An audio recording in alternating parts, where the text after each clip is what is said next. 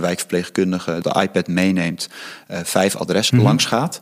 En in plaats van dat ze op een briefje korte notities schrijft en aan het einde van de dag de rapportages bijwerkt, mhm. proberen we nu te faciliteren dat ze op de iPad in het dossier bij de cliënt op de microfoon drukt, direct heel het verhaal inspreekt. De cliënt luistert nog eventjes mee of het correct is, ja of nee. En vervolgens zetten wij het uitgeschreven in het dossier.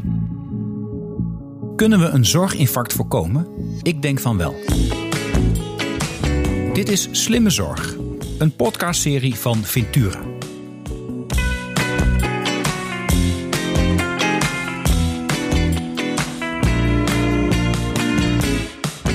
Mijn gast van vandaag is Diederik de Raven. Diederik is geboren in Zeeland en werkte al op jonge leeftijd bij thuiszorginstelling Iris.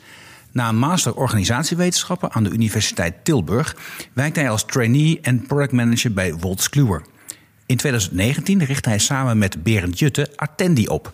Een bedrijf dat met behulp van artificiële intelligentie en spraakherkenning de administratieve last in de zorg verlicht. Spraakoplossingen die ervoor zorgen dat zorgprofessionals hun aandacht op de patiënt of cliënt kunnen richten in plaats van op het beeldscherm of het toetsenbord. Diederik, welkom bij de Slimme Zorg Podcast. Hartstikke fijn dat je er bent.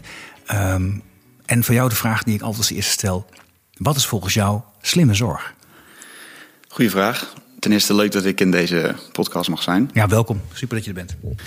Um, ik als je aan slimme zorg denkt en je vraagt dat aan een, uh, een, een, een tech-startup, dan zul je waarschijnlijk denken dat je een, uh, een technologieantwoord krijgt. Maar ik heb in mijn master organisatiewetenschappen aan de Universiteit van Tilburg heb ik onderzoek gedaan naar casussen huiselijk geweld in de uh, provincie Limburg.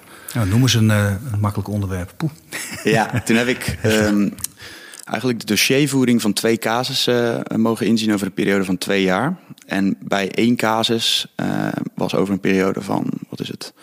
Nou, wat ik zei, ongeveer twee jaar waren 27 organisaties over de vloer geweest bij één gezin. Ja, klassieker, ja. En daar waren 156 interventies uh, geconstateerd. En uiteindelijk zou je kunnen zeggen dat de, de, de, de zorginstellingen met de beste bedoelingen misschien wel meer schade hebben aangericht aan het gezin dan dat er uh, dingen verholpen zijn destijds. Ja.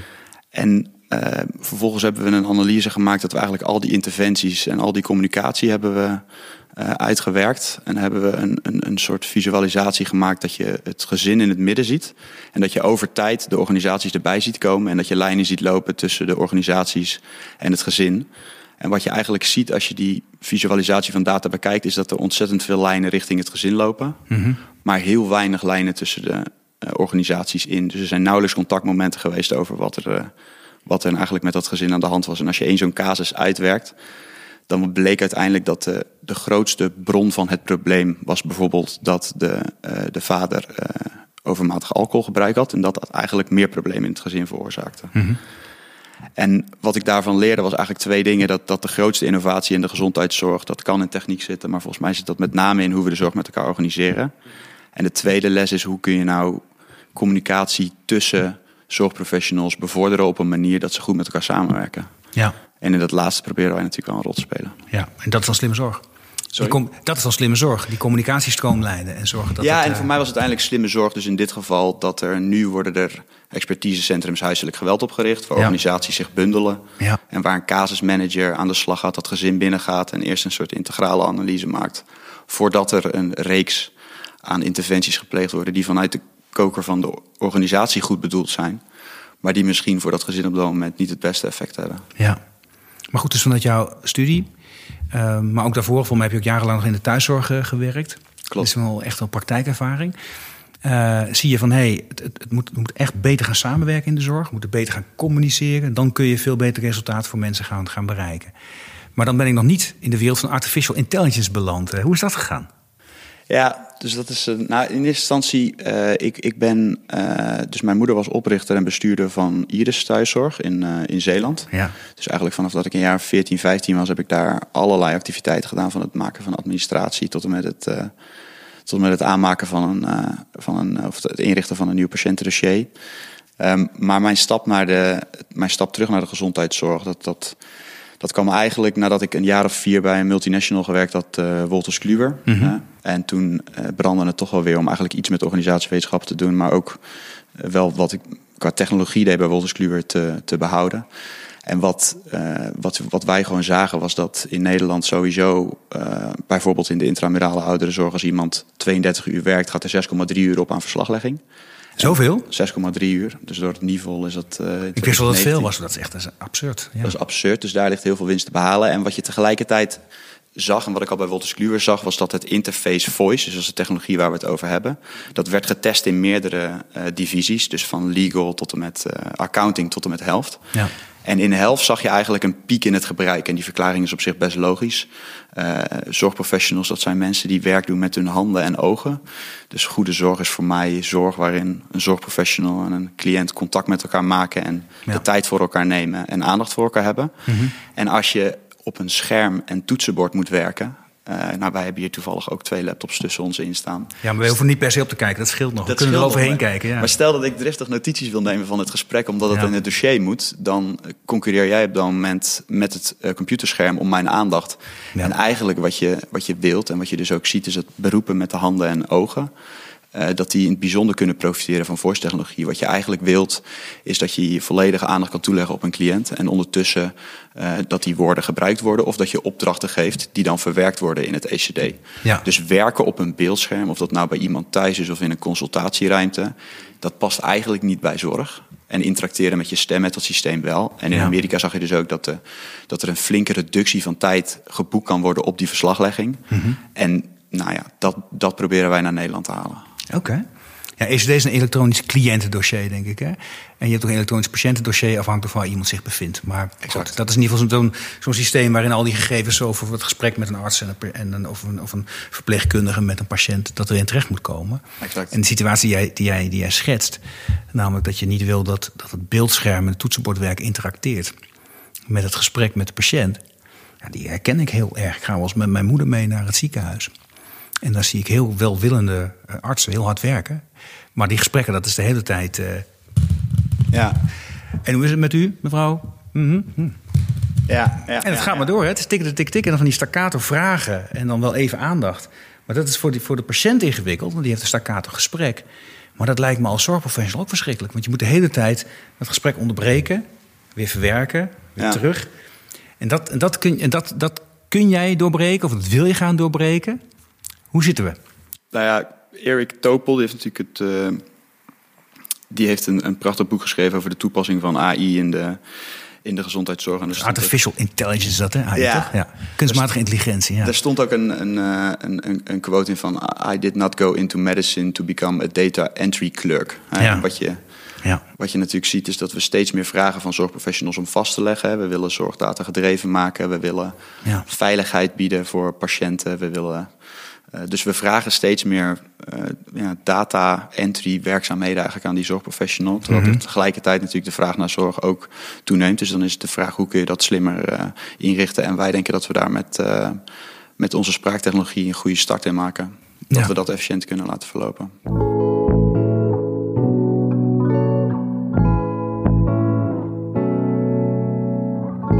Maar ze vergeten dat wel eens, hè? dat al dat verwerken, al dat getype, dat is niet voor niks. En dat, eh, daar wordt wel veel op gemopperd, al die administratieve lasten. En aan de andere kant, als je dat probeert uit de zorg te halen... dan mis je ook weer heel veel informatie die je misschien wel had willen hebben. Exact. En ehm, informatie die je direct wil zien als zorgprofessional... maar die je ook steeds vaker weer, ook met artificial intelligence... of een andere vorm van intelligentie... probeert uit systemen te halen om tot de juiste conclusies te komen. De juiste diagnose. Absoluut. Kijken of dingen veilig zijn gegaan, conform, nou ja, noem maar op. Dus het is allemaal begrijpelijk, al die data entry. En jij zegt niet van, dat moet je niet meer doen, maar je moet het anders doen. Nou, om, om, om dat scherp te zetten, je hebt eh, eh, cliëntgebonden administratie, zeg maar verslaglegging, en Mhm. niet cliëntgebonden administratie. En dat is uren schrijven en, en de verantwoording is dat vooral. ja. en, en als je kijkt naar, naar wat, wat zorgprofessionals daarover zeggen, zeg maar, dus is ook onderzoek gedaan dat, dat 70% van de zorgprofessionals die vindt het eigenlijk geen enkel probleem dat ze verslaglegging moeten doen. En die vinden dat ook wel logisch dat ze dat moeten doen. Het administratieve gedeelte vinden ze niet, eh, niet zo prettig. Maar als jij, eh, stel je bent vier dagen vrij en jij begint op maandag weer op je dienst en je wilt in een intramurale of in een wijkzorgzetting je cliënten gaan helpen, dan is het prettig om te lezen hoe gaat het met die uh, cliënten? Hè, wat is er gebeurd? Wat is er voorgevallen? En wat kan ik uh, vandaag verwachten? Dus dat is een hele zinvolle uh, verslaglegging om te doen. Ja. Tegelijkertijd is het natuurlijk zo als de capaciteit van zorg dusdanig onder druk om te staan. Hoe lang kun je het je veroorloven als jij in de wijkzorg werkt en je besteedt 6,5 uur aan verslaglegging op een, op een werkweek van, van 26 uur? Dus dat is wel iets waar, waar denk ik een enorme kans ligt. Ja. En waar waar, waar gek genoeg nog niet zo heel veel innovaties zich op richten. Hè? Veel AI-innovaties zijn ofwel nieuwe behandelingen of hele spannende toepassingen waarvan Ja. we nog moeten weten wat de uitkomst is. Ja. Terwijl dit is natuurlijk voor, voor met name organisaties in de langdurige zorg. Als zij een fractie van die 6,3 uur terug kunnen krijgen voor cliënten, hè, dat zou natuurlijk prachtig zijn. Dus daar proberen wij echt casussen te bouwen en te laten zien. ehm, als jij onze technologie toepast, eh, dan kun je dit besparen. En dan kun je dus ook gaan kijken van goh, wat doet dat eigenlijk met de capaciteit die ik als eh, zorginstelling heb en hoeveel cliënten zou ik dan bijvoorbeeld aan kunnen? Klinkt bijna te mooi om waar te zijn. Maar wat, waar, waar, waar werk je naartoe en wat kan eigenlijk al op dit Ja, moment? dat is goed om uit te leggen. Ja. Ehm, dus sowieso ehm, zijn wij eh, inmiddels bijna drie jaar geleden begonnen. ehm, ben ik samen met Berend Jutte, mijn medeoprichter. Dat is eigenlijk de man die het meeste van AI weet. Dus als je daar nog een keer dieper op in wil gaan, dan moet je hem eh, uitnodigen. Maar ik ben maar een eenvoudig jurist, dan, snap ik het zelf niet meer. eh. Maar toen zagen we dus dat dat in, in Amerika eigenlijk grote resultaten had. En dat het, in, dat het, het toepassen van spraaktechnologie in de Nederlandse zorg, het is Hè. Het gebeurt wel eens in de ziekenhuizen spreken eh, artsen rapportages in. Maar eigenlijk met name in de langdurige zorg zagen we het nog helemaal niet. En toen hebben we een, een ronde gemaakt langs verschillende zorginstellingen. En er kwamen eigenlijk een aantal redenen naar boven. En de eerste reden was dat de technologie die er op dit moment was... eh, dat maakt toch gebruik van de Googles en de Microsofts. En dat zijn, uit, eh, onder andere in, in Brabant is er uitgebreid onderzoek gedaan naar, door verschillende zorginstellingen naar welke oplossingen zijn er. En bij Google en bijvoorbeeld Microsoft, dat, werd niet, dat kwam eigenlijk niet door de AVG-keuring, omdat altijd een gedeelte van de data vertrekt terug naar die bedrijven. En die wordt Nou, vergeet de gebruikt. Nederlandse privacywet en gebaseerd op de Europese privacywetrichtlijnen. Ja. Ja, dus dat, dat werd afgeraden om daar gebruik van te maken. Oh ja. Ehm, en de, de tweede feit was dat eigenlijk dat soort technologieën altijd als losse applicatie weer erbij komen. En dat Ja. zorgprofessionals weer iets moeten downloaden. Dus toen, ehm, maar de- we hebben een aantal testen toen gedaan met die technologie. En het boekte inderdaad, als je dus als zorgprofessional, stel je doet een ronde langs de wijk, je neemt je iPad mee en direct nog bij, in het bijzijn van de cliënt spreek je de rapportage in. Die cliënt hoort het ook meteen en kan eventueel nog corrigeren waar nodig. Je hebt eigenlijk van een verslaggevingsmoment een, een, een- een contactmoment met je cliënt gemaakt die je kunt door. Dus de potentie eh, die was er zeker, maar de technologie was er niet. Oké. Eh, toen ehm, hebben Berend en ik eh, een, een, eh, een plan geschreven. En dat hebben we opgestuurd naar eh, het RVO. Er was een, een vroegfase financiering, eh, was daar een middel Dat is toe. een onderdeel van het ministerie van Economische Zaken. Die gaan over subsidieverstrekking en leningen en dat soort zaken. Als je een, als je een Ja. technologisch uitdagend, maar maatschappelijk relevant project hebt, Ja. dan zegt eigenlijk het RVO dat in die fase is er relatief weinig kapitaal beschikbaar, omdat het nog risicovol is. Maar dat zijn wel projecten die we als samenleving eh, willen. En eigenlijk is voice technologie, zeiden ze, is een kritieke technologie. Eh, daar wil je niet dat privacygevoelige data inderdaad naar het buitenland lekt. Dus dat is misschien een goed idee om inderdaad in Nederland te doen. Nou, die financiering hebben wij toen gehad. En toen hebben we ja, ons eigen platform kunnen bouwen. Dus het is eigen speech-to-text technologie, gebaseerd op eh, open source frameworks die, eh, die beschikbaar zijn.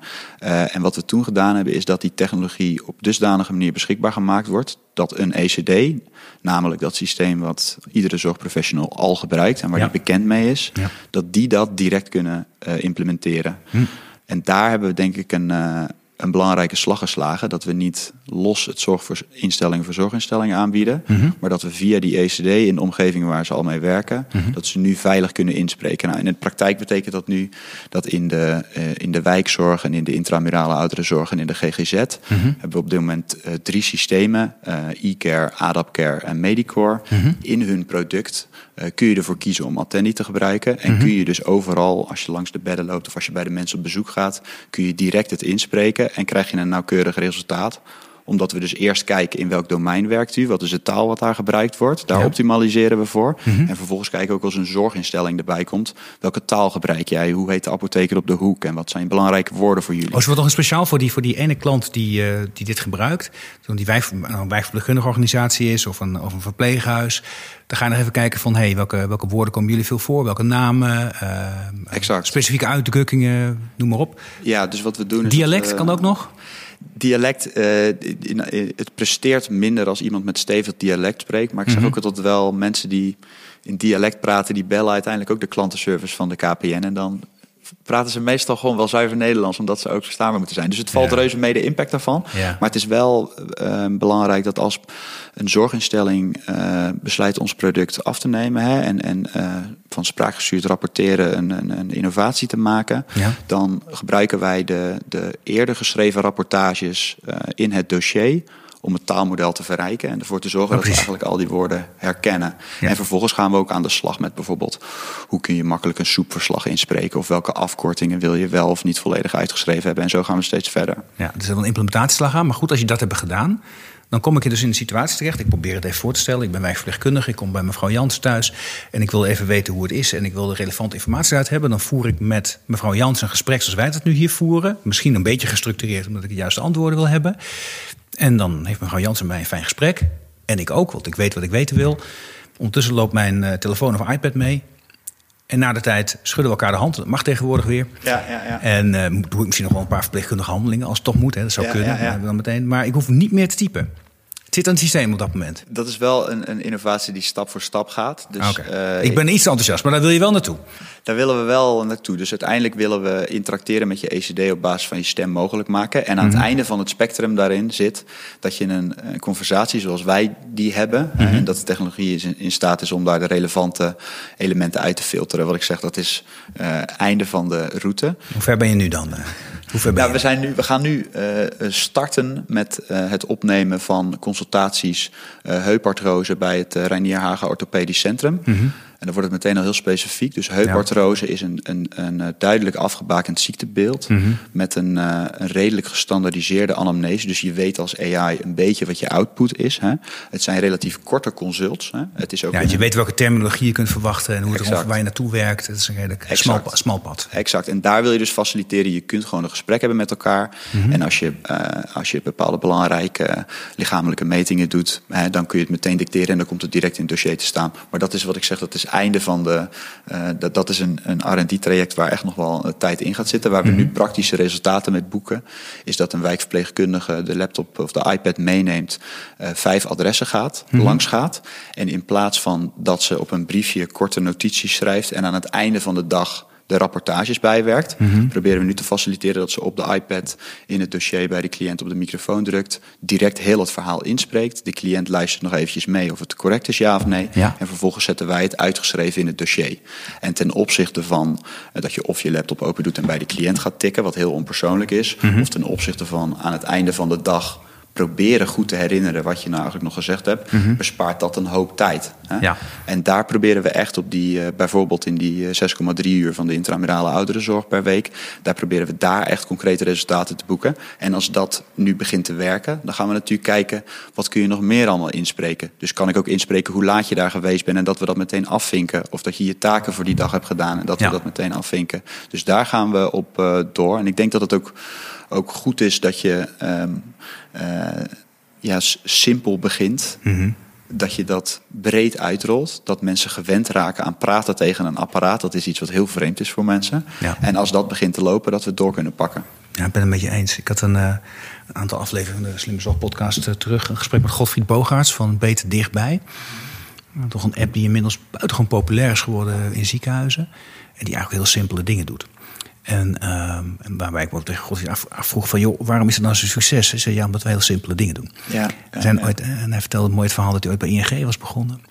En, ehm, of had gewerkt. En dat daar op een bepaald moment het idee was... nou, we kunnen ook een, eh, we kunnen ook een, eh, een, een, een app maken was toen helemaal een nieuw idee. Ja. En met die app kun je dan je saldo opvragen. Nou, Ja, zegt, ja. Hoe vaak zal dat gebruikt worden dan op een dag? Nou, zijn, ja, mensen kunnen nu bellen met de saldo- saldo-telefoon. Dat doen ze ongeveer één keer per week.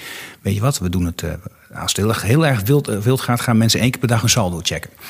Nou, en die app eh, was nieuw en die mensen gingen volgens tien keer per dag een saldo checken. Dus die lag er nooit aan uit. Maar toen kwamen ze achter, dus als je hele eenvoudige functionaliteit biedt, die, aan, die, die aansluit bij, bij de wensen van mensen, dan gaan ze dingen gebruiken. En van daaruit kun je, op, kun je, gaan, kun je, kun je vooruit. En wat je aan de andere kant vaak ziet, zo'n ECD of een EPD, is een verschrikkelijk complexe omgeving. Ja. Dan probeer je dan te ontsluiten, soms ook nog voor, voor, Ja. voor patiënten en cliënten in een mijnomgeving. Ja, ja, ja. Nou, daar is totaal de weg in kwijt. Ja, ja, dat is heel. eh, ja, ik ben het helemaal met je eens. Wij, wij zaten zelf als onderneming. eh, ja, eh, je bent natuurlijk een startende onderneming, dus ook nog zoekende van waar, waar gaat het werken. En wij dachten zelf ook dat de, de, de ik noem het maar even use case, dat je een gesprek opneemt, Mhm. dat dat toch wel de volgende stap moest zijn. En toen gingen we eigenlijk onze technologie ook op kleine schaal testen met de toepassing die net beschrijf. Ja. En de reactie was eh, vele malen positiever en dat het direct praktisch toepasbaar is voor mensen. Dus soms overschat je ook een beetje wat nodig is om innovatief te zijn in de zorg. En is het, is het, Ja. het simpele misschien soms wel het juiste om, om te doen. En het is, ik zeg daarmee niet dat het simpel is, want het is complex zat om je technologie in een ECD te krijgen en ervoor te zorgen dat het daar eh, eh, werkt en dat die spraaktechnologie op hoge nauwkeurigheid werkt. Maar je hebt een startpunt om Ja. nu op door te gaan. En ik denk dat het vinden, of dat het maken van kleine stapjes een effectievere route is dan het de hele dag dromen over een hele grote stap. Ja, precies. Maar je begint dus nu feitelijk met een soort rapportagetool... waarin eh, degene die de zorg levert kan zeggen... we gaan nu even een stukje Exact. rapportage doen. Ik druk op de knop. Ik vertel in wat ik heb gezien, geconstateerd, wat dan ook. Samen wel met de patiënt, die kan erop reageren. Klaar. Je spraakherkenningssoftware zet het om in tekst. En die tekst komt als een soort van verslag in het dossier. Dus Exact. dat is mooi. En eh, waar je toe wil is dat je ze eigenlijk gewoon het hele gespreksverslag... dat je gewoon een heel gesprek met elkaar kunt voeren. Ja, er zit nog wel een stap tussen. Dus Oh, tussen, de stap die ertussen zit is natuurlijk. ehm, eh, wat, op zich wel grappig is, is de- de- er is ook onderzoek, veel onderzoek gedaan naar de gebruiksvriendelijkheid van, eh, van ECD's. En, Mhm. en ehm, ik, ik denk niet dat het altijd, of EPD's, ik denk niet dat het eh, altijd de ECD en EPD-leveranciers kwalijk te nemen is. Van het is ook, net als bij de Belastingdienst, is het wetswijziging na wetswijziging na wetswijziging. En Ja. verzoek naar verzoek naar verzoek. En je hield het allemaal Wat een enorme kerstboom wordt het op. Dus je eindigt met een hele complexe terminal. Maar wat dat als resultaat heeft voor een zorgprofessional, is dat, dat de, de hoeveelheid kliks die ze moeten doen door het systeem, die zijn, eh, die zijn behoorlijk hoog om relatief simpele taken uit te voeren. En sommige taken zijn heel veel voorkomend.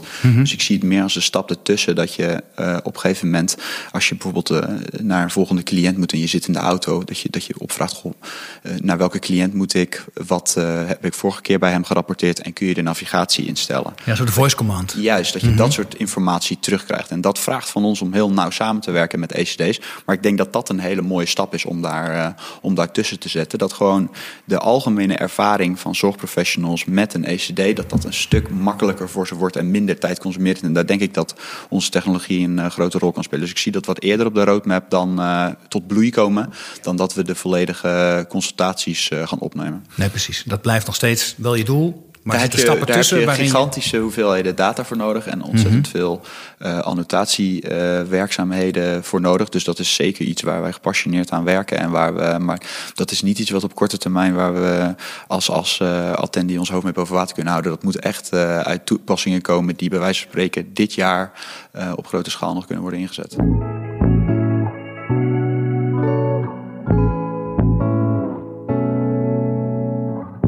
Maar goed, je bent begonnen. Je hebt die eerste functionaliteit heb je. Die heb je geïmplementeerd bij drie ECD-leveranciers. Je gaat beginnen nu ook in de ziekenhuiszorg. Dat zijn toch hele mooie stappen voor een bedrijf dat nog zo jong is. En je vertelde wel, een jong bedrijf, ehm, groeiend. Dat is altijd, dat, tenminste, wat ik van begrijp, is altijd een zoektocht naar kapitaal. Om, om, om je ding te kunnen doen, Ja. om die research te kunnen, kunnen, kunnen doen. En je moet, moet, aan de ene kant moet je wat maken, aan de andere kant moet je het ook zien te implementeren. En pas als je het hebt geïmplementeerd en helemaal in de praktijk hebt bewezen, dan kun je eens een keer geld gaan verdienen en, en dat er ook wat terugkomt. Dus dat is een hele zoektocht. En je vertelde net wel nou ja, dat, je, dat, je, dat, je, dat je wel hulp had gehad van de overheid eh, om dat te kunnen doen, RVO.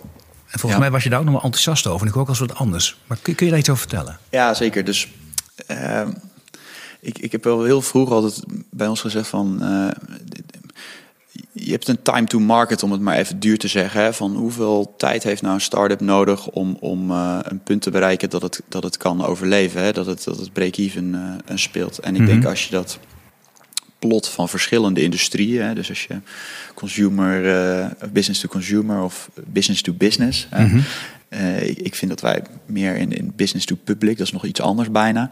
Uh, dan ja, als je zorg in bedrijf, bedrijfstak vindt, ja, zit een beetje tussenin eigenlijk. Hè? Ja, ja, ja, laat ik het in ieder geval zo zeggen dat de realiteit is gewoon dat als je besluit om een start-up in de gezondheidszorg te starten, wat ik iedereen zeker toejuich om te doen. Ik, mm -hmm. ik, ik, hoop dat steeds meer technische talenten ervoor kiezen om, om in plaats van het optimaliseren van advertenties relevante dingen te gaan doen in de gezondheidszorg. Maar ja. de realiteit is dat de zorg met, met uh, recht risicoaverser is. Dat uh, salescycli langer duren. Ja. Dat je voor je naar de markt gaat je rekening moet houden met het ecosysteem. Dat je dus bijvoorbeeld grote partijen als een ECD nodig hebt om naar de markt te gaan. Kortom, uh, het gaat langer duren dan de meeste andere industrieën. En wat ja. dus een reële uitdaging is voor start-ups in de gezondheidszorg is hoe kun je ervoor zorgen dat mijn financiering eigenlijk die periode kan overbruggen, dat we het halen en dat we daadwerkelijk die, uh, dat product ook op de markt kunnen brengen. Hè? Ja. Ik vind ook wel, uh, de overheid heeft daar uh, een, in, deze, in dit geval een goede rol in gespeeld bij ons. Ik vind ook wel dat zorginstellingen zich daar bewust van moeten zijn. Als ze met een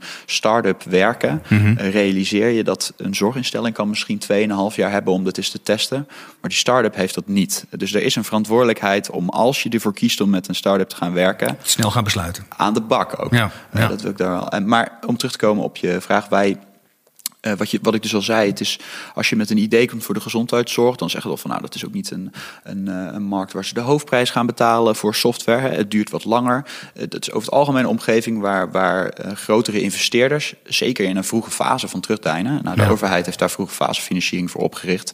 En dat is een, een, een financieel instrument wat beschikbaar is. Dus waar ik collega's, start-up ondernemers vaak meteen zie grijpen naar privaat geld, ja. slaan ze dit soort bronnen over. Ja. terwijl ze er zijn. Uh, de, de, de omlooptijd bij ons van het inleveren van het plan tot het krijgen van een reactie was volgens mij iets minder dan twee maanden. Oh, dat is heel uh, snel. Dat, dat, is kun je, echt, dat krijg je bijna privaat niet voor elkaar. Met echt, al je due diligence onderzoeken. En, en, en, en wat ja. er ook gebeurt is dat je, je, je plan moet eerst gekeurd worden door een ambtenaar. Mm -hmm. Vervolgens kom je voor een, uh, een, een onafhankelijke commissie wat bestaat uit mensen die gewoon in het werkveld zitten. Nou, er zaten ook een drietal mensen uit de gezondheidszorg in, mm -hmm. variërend van het uh, LUMC tot en met de langdurige zorg. Die evalueren het plan en vervolgens krijg je een reactie om het te doen. Je geeft niet meteen uh, een gedeelte van uh, je onderneming weg. Je blijft autonoom als, als bedrijf en je kunt in rust kun je gewoon gaan bouwen aan een kwalitatief stukje technologie. Ja. Dus ik zou, ja,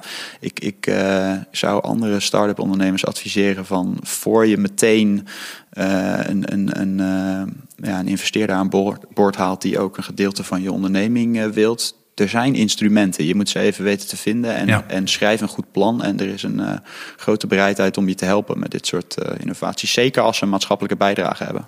Ja, ik, vind, ja, ik vind het interessant hoe je ook, ook schetst dat juist als je binnen de zorg wilt gaan ondernemen, moet je wat langere adem hebben. Moet je bewust van zijn, ja. ja. En, die, en die langere adem die, krijg je, ja, die moet je eigenlijk ook niet privaat willen financieren. Want dan word je te snel naar een resultaat geduwd, wat misschien wel helemaal niet passend is. Ja, je en... komt op een hele andere manier bij klanten aan. Wij kwamen ja. aan bij onze eerste klant met, met puur de interesse om zo dicht mogelijk op een gebruiker zoveel mogelijk te leren van hoe het uiteindelijk moet gaan werken. Mm -hmm. En, en uh, dat, dat doe je, uh, om niet is een gevaarlijk woord deze tijd, maar dat, dat, uh, dat doe je eigenlijk kosteloos, omdat je, je de, de waarde die je van een zorginstelling krijgt, is dat je kunt leren hoe dat product werkt. Als je daar ja. binnenkomt en je hebt al vanuit je investeerder de druk dat er bij wijze van spreken omzet uit moet gaan komen, dan ja. denk ik niet dat het een goede komt van je, van je product. Nee. Dat moet in een later stadium moet dat zeker komen. Als je product af is, dan, dan zou ik het niemand adviseren om, om tegen een te lage prijs bij een zorginstelling aan de slag te gaan. Dan moet je ook gewoon ervoor staan dat je een mooi product hebt. Ja. Maar in de eerste fase moet je natuurlijk gewoon heel veel leren over je, over ja. je product. Ja, en als je in een nieuwe fase komt waarin je echt de groei wilt versnellen, kan het wel, juist wel de moeite waard zijn om deskundige investeerders aan boord te halen. Ja, wat je zegt, deskundige. Ja. dus dan, dan, uh, dan, dan moet je goed kijken van uh, wat zijn de uitdagingen voor mij als bedrijf? Hè? Wat, waar waar uh, mis ik zelf expertise of waar, ja. uh, waar ontbreekt het mij aan ingangen? En dan kun je kijken van, goh, kan daar iemand kan daar iemand bij helpen. Maar dat ja. is ook wel een proces waarin je super zuinig moet zijn op, op wat voor organisatie heb je, wat voor uh, mensen werken bij je en, en zijn die blij met hoe ze bij jou werken en kun je dat ook nog borgen als, als het er anders uit komt te zien. Ja, nou ja, en, en, en, en City investeren bij jou op lijn, wat hij wat die, wat, wat die uiteindelijk wil bereiken. Dus als je een investeerder aan boord houdt die denkt, hartstikke, ik ben vooral geïnteresseerd in die AI-technologie van jou. Een stukje spraakherkenning. Dus ik investeer en vervolgens ga ik dat heel ergens anders voor gebruiken. En die toepassing ja. waar jij altijd van gedroomd hebt, die komt er niet. Ja.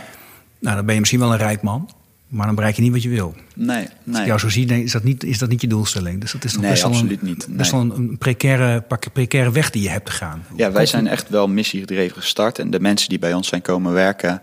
Uh, die kunnen onwaarschijnlijk met hun technische achtergrond elders uh, meer geld verdienen. Dus dat zijn ook Mhm. mm -hmm. mensen die bij ons zijn gaan werken omdat ze gemotiveerd zijn om uh, nou ja, de zorg waar, waar, waar, we dat kunnen iets te helpen. Mhm. Mm -hmm. En als daar ineens een hele andere cultuur door een andere investeerder doorheen waait, dan uh, is dat denk ik ook niet goed voor de continuïteit. En dan raak je die mensen ook weer kwijt. Waarschijnlijk, ja. Ja, precies. Ja. Nou, dat is een spannende zoektocht. Daar zit je dus nog wel middenin, maar tot nu toe ja. gaat dat goed. Tot nu toe gaat het goed. Dus nou. nu, um, uh, wat, wat we nu bereikt hebben en wat denk ik ook, als ik terugkijk op dat, dat stukje wat ik eerder zei, uh, die, die, die casus huiselijk geweld, hè, samenwerking. Ja. Um, bij, bij, ons is het natuurlijk belangrijk geweest dat we met die grote ECD-leveranciers aan de slag zijn gegaan.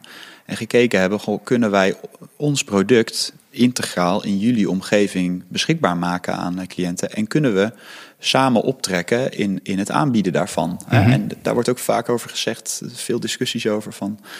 Uh, het is niet samen te werken met ECD of EPD-leveranciers en ze houden de boel dicht. Maar als je je toch inleeft in je partner als het ware. En je gaat samen om tafel en kijkt, ja, maar hoe kunnen we nou wel samen voor die eindgebruiker ervoor zorgen mm -hmm. dat hij in de omgeving waar hij al mee werkt er gebruik van kan maken. Dan kom, we, we zijn daar nu, we zijn nu uh, een, een jaar bezig met dat soort gesprekken. En we hebben er drie bereid gevonden die met ons aan de slag zijn gegaan. Mm -hmm. En nu uh, bijvoorbeeld bij, uh, bij e-care of bij Adapcare, in dat product kun je nu Attendi gebruiken. En je hebt als zorginstelling al een contractuele relatie met zo'n partij als, uh, als e-care. Ja. Uh, daar komt je hoeft niks nieuws te doen. Daar komt Attendi bij. Er is ja. al een vertrouwensrelatie. Uh, dat, dat maakt het een stuk simpeler en overzichtelijker voor de gebruiker tot en met. Maar dat vraagt wel dat je die samenwerking uh, opzet. En dat je eruit komt hè, op allerlei onderwerpen. Maar dat doet ook wel vermoeden dat jullie met een applicatie of een toepassing zijn gekomen. Waarvan die ECD-leveranciers denken van nou, ja. Uh, die moet ik ook. Het zou vervelend zijn als mijn concurrent hem wel heeft en ik niet. Dat nou, wat je zag zomaar is, kunnen. Waar ik altijd waakzaam voor zou zijn als zorginstelling is ook uh, een, een ECD-leverancier die doet natuurlijk ook aan, aan selectietrajecten. Dus een zorginstelling kijkt eens in de zoveel jaar welke ECD past bij mij en dan. Mm -hmm zie je dat het rapporteren met de stem is daar een onderdeel in aan het worden. Hè? Want daar is tijdswinst mee te boeken en dat is iets wat mensen belangrijk vinden. Mm Mhm. -hmm. Dan maakt het nogal een verschil, denk ik, als daar een, uh, een vinkje staat van dat hebben we. Maar onder water blijkt het uh, Google of uh, Amazon te zijn. Met, waardoor je het eigenlijk niet mag gebruiken. Waardoor je het eigenlijk niet mag gebruiken. En, en het is niet net als dat wij dat hebben geoptimaliseerd voor jouw zorginstelling. Dus die, die zowel de, aan de klantenkant als aan de ECD-kant of EPD-kant realiseren zich van ja, deze functionaliteit willen we veilig en kwalitatief aanbieden. Mhm. Mm -hmm. Maar het is ook niet typisch een technologie die er even bij doet. Je gaat niet een afdeling oprichten die eventjes spraaktechnologie gaat bouwen en dat gaat doen. Dus het, ga je niet, dus het is wat dat betreft is het logisch. Wat wij vervolgens stevig hebben gedaan is die ECD-leveranciers die zitten uh, qua sprints, onder andere door wetswijzigingen, mm -hmm. zitten die ramvol. Uh, de sprints zijn de, de, wijzigingen die ze moeten doorvoeren. Ja, dus meestal ja. werken ze dat ze iedere twee weken een aantal nieuwe features uh, opleveren. Hè? Om de twee weken? Dat om de twee veel. weken is het tempo. En, en dan, ja, daar wil je, als start-up moet je je daartussen zien te wringen. Van hoe, ga je, hoe gaan zij nou tijd aan mij besteden? En wat, wat wij stevig gedaan hebben, en dat is ook in de lijn met die samenwerking, is eigenlijk alle code die nodig is van begin tot eind voor hun om het te implementeren. Hè? Mm -hmm. Dus waar je mee interacteert als zorgprofessional tot en met de connectie met onze API. Dat, dat hebben we gebouwd. Dus in een mooi pakketje is het klaargezet in mm -hmm. verschillende programmeertalen. En die ECD kan dat in één keer inklikken. En daardoor kunnen we ook tegen zo'n partner zeggen: het is niet complex. Je kunt binnen één of twee dagen live zijn met ons. En heb je morgen heb je een feature waar je klanten blij van worden. Ja. Dus dat, dat uh, en, en uh, nou, dan ga je ook gewoon samen optrekken in, uh, in de verkoop. Dus die, die relatie heeft ons dat brengt ons uh, eigenlijk de, ja, ten eerste brengt het voor de zorgprofessional dat het de gedragsverandering kleiner wordt, want je, het is in hetzelfde systeem. Ja. En ten tweede, eh, de, de, de, wat ik al eerder zei, die time to market, die wordt gewoon wat korter, omdat die relaties er al liggen tussen de elektronisch cliëntendossier en de, en de zorginstellingen.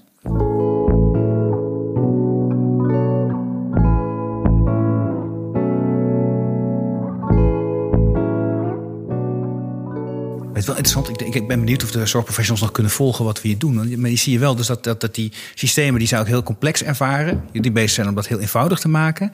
En daar, daar komt heel veel slimmigheid, zelfs artificial intelligence bij kijken om dat te kunnen doen. Maar als je dat dan uiteindelijk heel slim hebt gemaakt, dan wordt het weer heel eenvoudig. En dan, wordt- kun je dingen gaan toepassen. Dan hoop je dus dat, dat Ja. zoals het nu in de praktijk loopt. Dus je, Ja. eh, bij, bijvoorbeeld MISO is een mooi voorbeeld van een eh, VVT-organisatie in, eh, in, eh, in Zuid-Nederland. Die zijn met deze technologie flink aan de slag gedaan. En die hebben dan ook tijdsmetingen gedaan van wat gebeurt er nou. hè. En Mhm. Ja, heel daar was ik heel benieuwd naar. Want je zegt dat 30% gaat verloren hè, aan, aan administratie. Ja, En nou, dat heb je niet allemaal opgelost.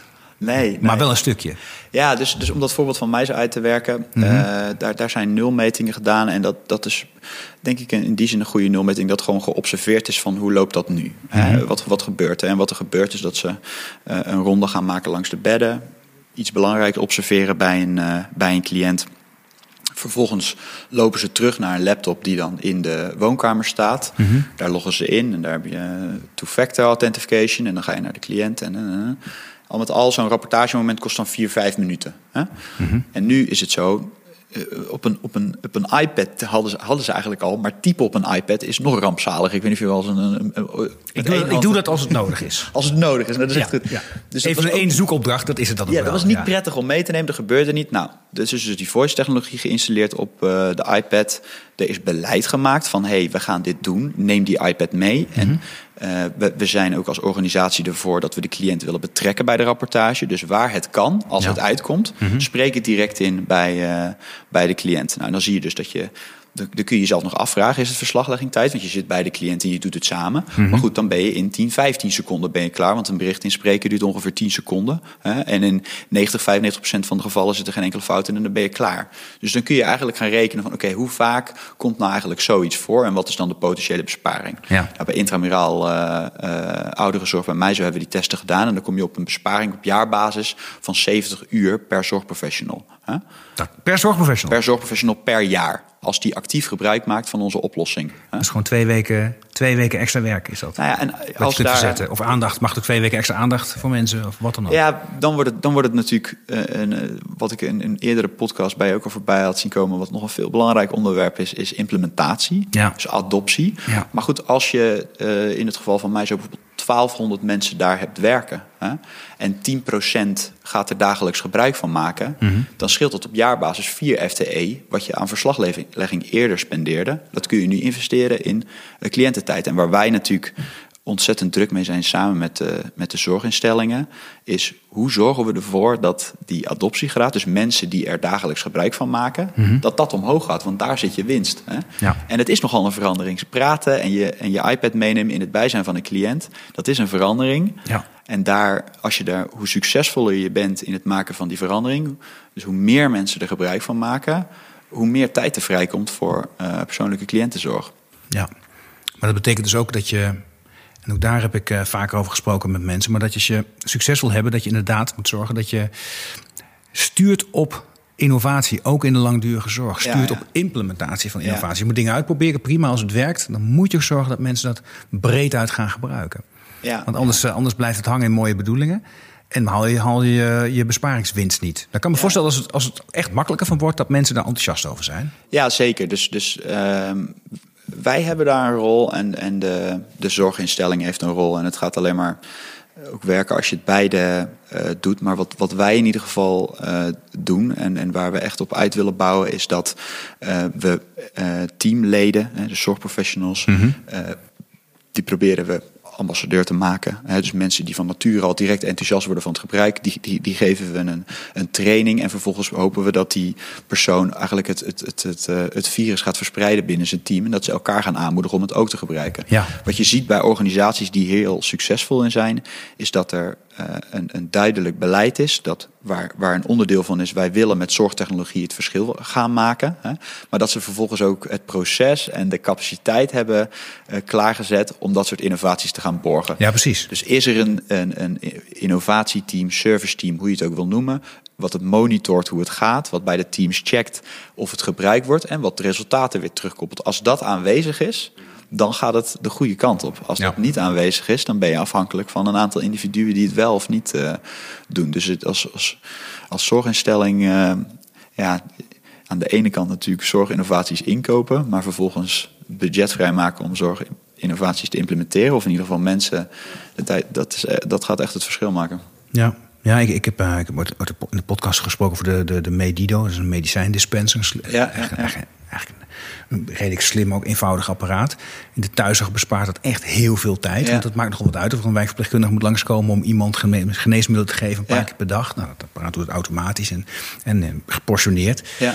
Maar die, die, die hebben inmiddels maar wijkverpleegkundigen zelf in dienst genomen voor de implementatie. Om mensen maar ver te krijgen om te gebruiken. Er zit nog wel heel veel, er vaak wel heel veel conservatisme in de zorg. Dus mensen moeten steeds harder werken. Er is een continu personeelsgebrek. Maar echt innoveren en dat, en dat omarmen is nog wel lastig. Merk jij dat ook in de praktijk of valt het wel mee met die, met die enthousiaste, mooie, innovatieve technieken van jullie? Nou, je merkt wel dat er veel innovaties op zorgprofessionals afkomen. Dus dat je, als dat het geval is, moet je bij voorbaat kunnen ze al sceptisch staan tegenover wat je, wat je uh, komt doen. Ja, ja, maar weer eens wat nieuws en dat zal allemaal wel. Ja, alleen natuurlijk, ja, verslaglegging en administratie is een grote frustratie. Dus als je het aan ze laat zien en direct laat zien door dit zo te gebruiken, bespaar je ontzettend veel tijd, kan het snel gaan. En onze ervaring is dat er altijd een aantal tussen zitten die direct enthousiast worden. Mhm. En uh, daar moet je je, je en ja. die ga je, die moeten het verhaal aan collega's vertellen. Mhm. Dit werkt wel en dit is echt prettig om te doen. Dat, dat als, als uh, nou, ik, ik, ik denk dat dat in heel veel beroepen geldt. Uh, als consultant bijvoorbeeld wil je dat een andere consultant weer nog best van aannemen van goh, hoe doe jij dat vak ongeveer? Zeker. Maar als iemand uit een totaal andere omgeving aan jou iets komt vertellen dat je het zo en zo beter kan doen, dat werkt minder goed dan dat het een directe collega van je is die zegt, nou, ik, ik vind dit fijn en misschien is dit voor jou ook wel wat. Dus daar proberen we echt die zorgprofessional daar ook voor uh, in te zetten. Dus die implementatie die kan niet zonder enthousiaste ambassadeurs. Nee, Mensen die het als eerste omarmen, de early adapters. En die moet je ook steunen om die volgende stap te zetten. Ja. De slimme zorg kan niet zonder die ambassadeurs. Nee, en het, het, uh, we hebben ook bijvoorbeeld met mensen toen gereflecteerd op die implementatie. Hè, van Mhm. hoe, uh, daar had je ook een, uh, een service team heet dat die, die de innovaties begeleiden. En die zeiden ook wel van, je, je hebt ambassadeurs nodig. Maar wat ze ook zeiden is, je moet het niet te losjes aanpakken. Je mag ook best wel zeggen, dit is ons beleid. En we vinden eigenlijk het belangrijk dat als je bij een cliënt een rapportage uh, doet, dat je dat gewoon even inspreekt. Tenzij het niet anders kan. Dus je mag als organisatie ook best natuurlijk, als je het bewezen resultaat hebt, zeggen van goh, voor de kwaliteit en voor de participatie van uh, cliënten vinden we het belangrijk dat we zo werken. Werk daaraan mee. Hè? Ja. Maar je gaat het ook niet redden zonder ambassadeurs uit het team natuurlijk. Dus Nee. zij zeiden ook wel, uh, je moet er niet te losjes in zijn. Je mag ook best zeggen, kom op, dit gaan we doen. Ja, ja, als leverancier is het lastig natuurlijk om dat te eisen. Dus je kunt... Zeker, ja. Ja. Wij, wij, wij zien onze rol ook meer dat we, als wij een implementatie doen bij een andere zorginstelling en daar zien we interessante toepassingen of we trekken daar lessen uit, dan kunnen Mhm. wij natuurlijk naar zorginstellingen gaan die daarmee beginnen van goh, dit is hoe de implementatie eruit heeft gezien bij organisatie A, dit is wat goed werkte, Ja. neem dit mee. Dus, hè, maar uiteindelijk is natuurlijk een zorginstelling moet zelf uh, de handschoenen oppakken en ermee aan de slag gaan. Nog even helemaal weer terug naar de techniek. Ja. De, de, toepassing vind ik heel fascinerend. Ik denk, daar moet daar winst komen. Maar dan helemaal terug naar de techniek. Je doet dan spraakherkenning. Die techniek bestaat op zich al best lang. Hè. Ik ben, ben zelf jarenlang bij een rechtbank gewerkt, tussen 2000 en 2005. En daar had ik al een headsetje en daar had je slimme technologie uit België met name. In Vlaanderen is het heel erg ontwikkeld en het werkte echt prima. Ik kon complete procesverbaal kon ik inspreken. Ging keurig. Ja. Dus dat konden we al. Maar hij zegt nee, we doen echt, een, we doen echt gewoon iets anders dan dat. Want ja, da, het, want komt dat heel, het komt. Dus je moet je voorstellen als. Dus wat wij doen is onze uh, technologie laat zich uitdrukken mm-hmm. in een WER. En dat heet een word error rate. Hè? En wat het eigenlijk. Dat zegt me helemaal niets. Wat is Precies, dat? dat ga ik uitleggen. Dus wat het ja. eigenlijk simpel zegt, is stel dat je uh, 100 woorden inspreekt. Hè? Mm-hmm. Hoeveel van die uh, woorden ontbreken, zijn fout, hè? of hadden iets anders moeten zijn. Hè? En eigenlijk waar het in de praktijk voor een zorgprofessional op neerkomt, is als je iets inspreekt, hè, waar jouw taal in zit, eh, dan is eigenlijk, eh, dan zetten we het om in tekst, maar vervolgens ga je kijken naar die tekst en als het klopt, kun je meteen door met je dag. En als het niet klopt, moet je nog iets veranderen. Ja, dus dat wil je voorkomen natuurlijk. Dat wil je voorkomen. En Ja. dat, wat je ziet is dat de standaard systemen, dus bijvoorbeeld die eh, hebben wij ook getest van Google en van, van Microsoft Azure. Mhm. Als je die toepast op casussen in bijvoorbeeld de GGZ of in de wijkzorg, dan is ongeveer 25 tot 30 procent gaat mis. Dat is veel te veel. Ja, en waar de innovatie wat ons betreft zit, is dat we dus heel erg inzoomen op een zorginstelling. Dat we eigenlijk al een basismodel zorg hebben, een model wijkzorg hebben. En vervolgens kijken hoe ziet die organisatie eruit. Hè? En dan krijg je voorbeelden dat onze meest voorkomende nauwkeurigheid zit op 94% in de intramurale ouderenzorg. Dus dat wil zeggen dat het behoorlijk eh, nauwkeurig zeg maar, is. Ja. En daar zit natuurlijk, daar zit, eh, daar zit denk ik onze expertise van hoe kunnen we dat ja, praktisch bruikbaar maken voor zo'n zorgprofessional. En daar, daar stoppen wij veel werk in. En Ja. omdat we de technologie zelf gemaakt hebben, zijn we eigenlijk over iedere knop in controle van dat proces. Mhm. Dus eigenlijk vanaf het moment van inspreken. eh, stel dat er dan iets fout gaat, dan hebben wij ook de technologie om te kijken van welke woorden zijn er ingesproken. Wat is het resultaat van onze technologie? Wat had het moeten zijn? Mhm. En dan kunnen we het, eh, het trainen dat het de volgende keer beter gaat. Dus die hele keten, zeg maar, die hebben we zelf gemaakt. Nou, Mhm. Als je je soms afvraagt van waarom werkt die van eh, Google in deze situatie zo goed? Dat is omdat die data in eerdere vorm een keer gevlogen is naar iemand die dat gedaan heeft. Hè? Ja. Dat is nou net wat je wil voorkomen in de gezondheidszorg natuurlijk. Dat het naar andere jurisdicties gaat waar totaal andere regelgeving is rondom eh, dit soort data. Nee, dat is dus wel zo spannend. Want die andere systemen die kunnen snel leren omdat ze die data onbeperkt uitwisselen. Ja. Dat mag in de zorg eigenlijk niet. Nee. Maar binnen jullie eigen gesloten omgeving gebruik je wel artificial intelligence om daar toch zoveel mogelijk van die beperktere dataset te leren. Kan ik dat zo Nou, we- wat, wat we kunnen doen, eh, dus we bieden het aan zorginstellingen aan. Dus optie Hmm. 1 is, wij kijken niet naar de data. Dus Hmm. de data komt een fractie naar ons toe, dan sturen we terug en we hebben geen toegang tot de inhoud. Hè. Hmm. Dan kunnen we niet verbeteren. Maar als we bijvoorbeeld met een zorginstelling starten, dan zeggen we nou, het is best verstandig eh, om te starten met een periode van trainen. Hè. Hmm. En dat betekent dus dat we een periode krijgen wij toegang tot de data en gaan we trainen. Kunnen we ook inzicht geven in hoe wordt de technologie gebruikt, wat is de ontwikkeling van de kwaliteit. Hè? Ja. Maar dan zijn we heel transparant. Dus dan is het van voor deze periode vragen wij toegang tot die data. Mhm. En persoon A en B bij attendee met een VOG en een gedragscode, die mogen er in die periode naar kijken Ja. in onze omgeving. En daarna gooi je het weg. En daarna gooi je het weg. Ja. Dus omdat we die, die keten onder controle hebben, kun je dat bieden. Hè? Ja. Het is, het is eh, ja, in AI sowieso, als de nauwkeurigheid hoog is, dan is er werk gedaan met data. Dan zijn er uiteindelijk ook altijd nog mensen die naar die data gekeken hebben. Dus Ja. het is altijd, er zit altijd een privacy vraagstuk aan. Ja. Ja. Ja, en als je dat in een wetenschappelijke setting doet, dan zou je misschien nog aan zo'n cliënt kunnen vragen: mogen het gebruiken en noem maar op. Maar ja, die, doet dit in een normale zorgsetting. Dat lijkt me lastig om daar. Ja, eh, ja, ja. Dus dat kun je niet. Dus je moet het toch in die wat beperktere. Ja. Ja, en het is ook audiodata is lastiger te anonimiseren. Dus je, je, Ja, dat is ook nog een keer je kunt het niet ja. vervormen. Dus je moet daar gewoon, eh, je moet daar gewoon kraakheldere afspraken over maken wat je, wat je, doet, eh, Ja. wat je doet met die data. En in ons geval is het, eh, is het eh, ECD-leverancier die eigenlijk een verwerkersovereenkomst heeft met eh, de zorginstelling. Nou, wij sluiten een verwerkersovereenkomst af met de ECD en we worden subverwerker met de zorginstelling. En dan maken we transparant hoe we met welke data, hoe we daarmee omgaan. Ja. En dan kunnen we het, eh, dan kunnen we het trainen. ja, dus wie met jullie werkt, die is compliant aan de AVG. Exact, Ja. ja. en dat is, dat is wel iets vaak een reden voor, voor aanbieders om niet te durven. En dat ze dan denken van, nou ja, of ze beginnen enthousiast met iets te komen, er daarna achter dat het niet AVG-proof is, en dan wordt de hele pilot gekild. Ja, je hebt voorbeelden dat de zor- zorginstellingen enthousiast aan de slag zijn gegaan met eh, de, bijvoorbeeld eh, ja, de spreekfunctionaliteit in een Android-toetsenbord. En dat dan Ja. na een periode van drie, vier weken helder werd van dit is een functionaliteit die we als organisatie niet mogen gebruiken, want. En dat je dan alsnog moet zeggen, we stoppen ermee. Ja, hetzelfde geldt voor je Siri-dingen in, je, in, je, in je iPhone, geloof ik. Hè? Ja. Goed in de instellingen kijken wat je, waar je toestemming voor geeft. Ja, ja, want die techniek is mooi, maar in de zorg mag je hem eigenlijk niet gebruiken. Eigenlijk niet, nee. Nee, nee. precies. Ja, en de behoefte is er wel. Ja. Hey, als je nou, we- komen een beetje aan het eind. En eh, ja, je bent heel innovatief bezig. Je hebt wel een paar ideeën, maar als je nou een beetje mag dromen, we kijken tien jaar vooruit, wat zou je dan bereikt willen hebben? Wat zijn dan, of wat dan in zijn algemeen, wat zijn dan de mogelijkheden op het gebied van straaktechnologie en wat zou je eigenlijk met je eigen organisatie bereikt willen hebben? Nou, eh, wat, wat we in ieder geval. ehm, eh, het, is, het originele eh, doel van Berend en mij toen, toen we met Attendi aan de slag willen was.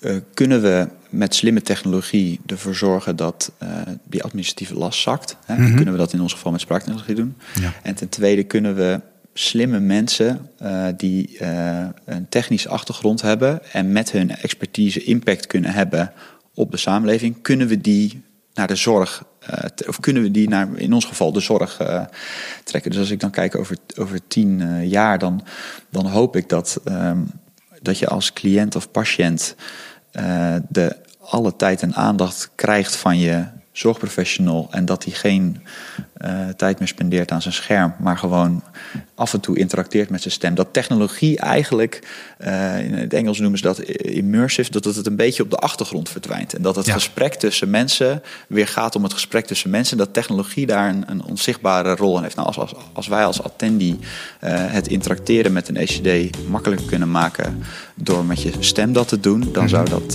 heel mooi zijn. En wie weet waar dat, wie weet waar dat eindigt. Ja, precies. nou, laten we hopen dat het gaat lukken. Dankjewel voor dit mooie gesprek. Dank voor de uitnodiging. Dit was Slimme Zorg, de podcast waarin nagedacht wordt over oplossingen waarmee een zorginfarct voorkomen kan worden. Een podcastserie van Ventura. Abonneer je op deze show via iTunes of Spotify en voel je vrij om een review achter te laten. Ik vind het zelf enorm leuk om te lezen wat jullie van de podcast vinden. Je mag me ook mailen op podcast.ventura.com.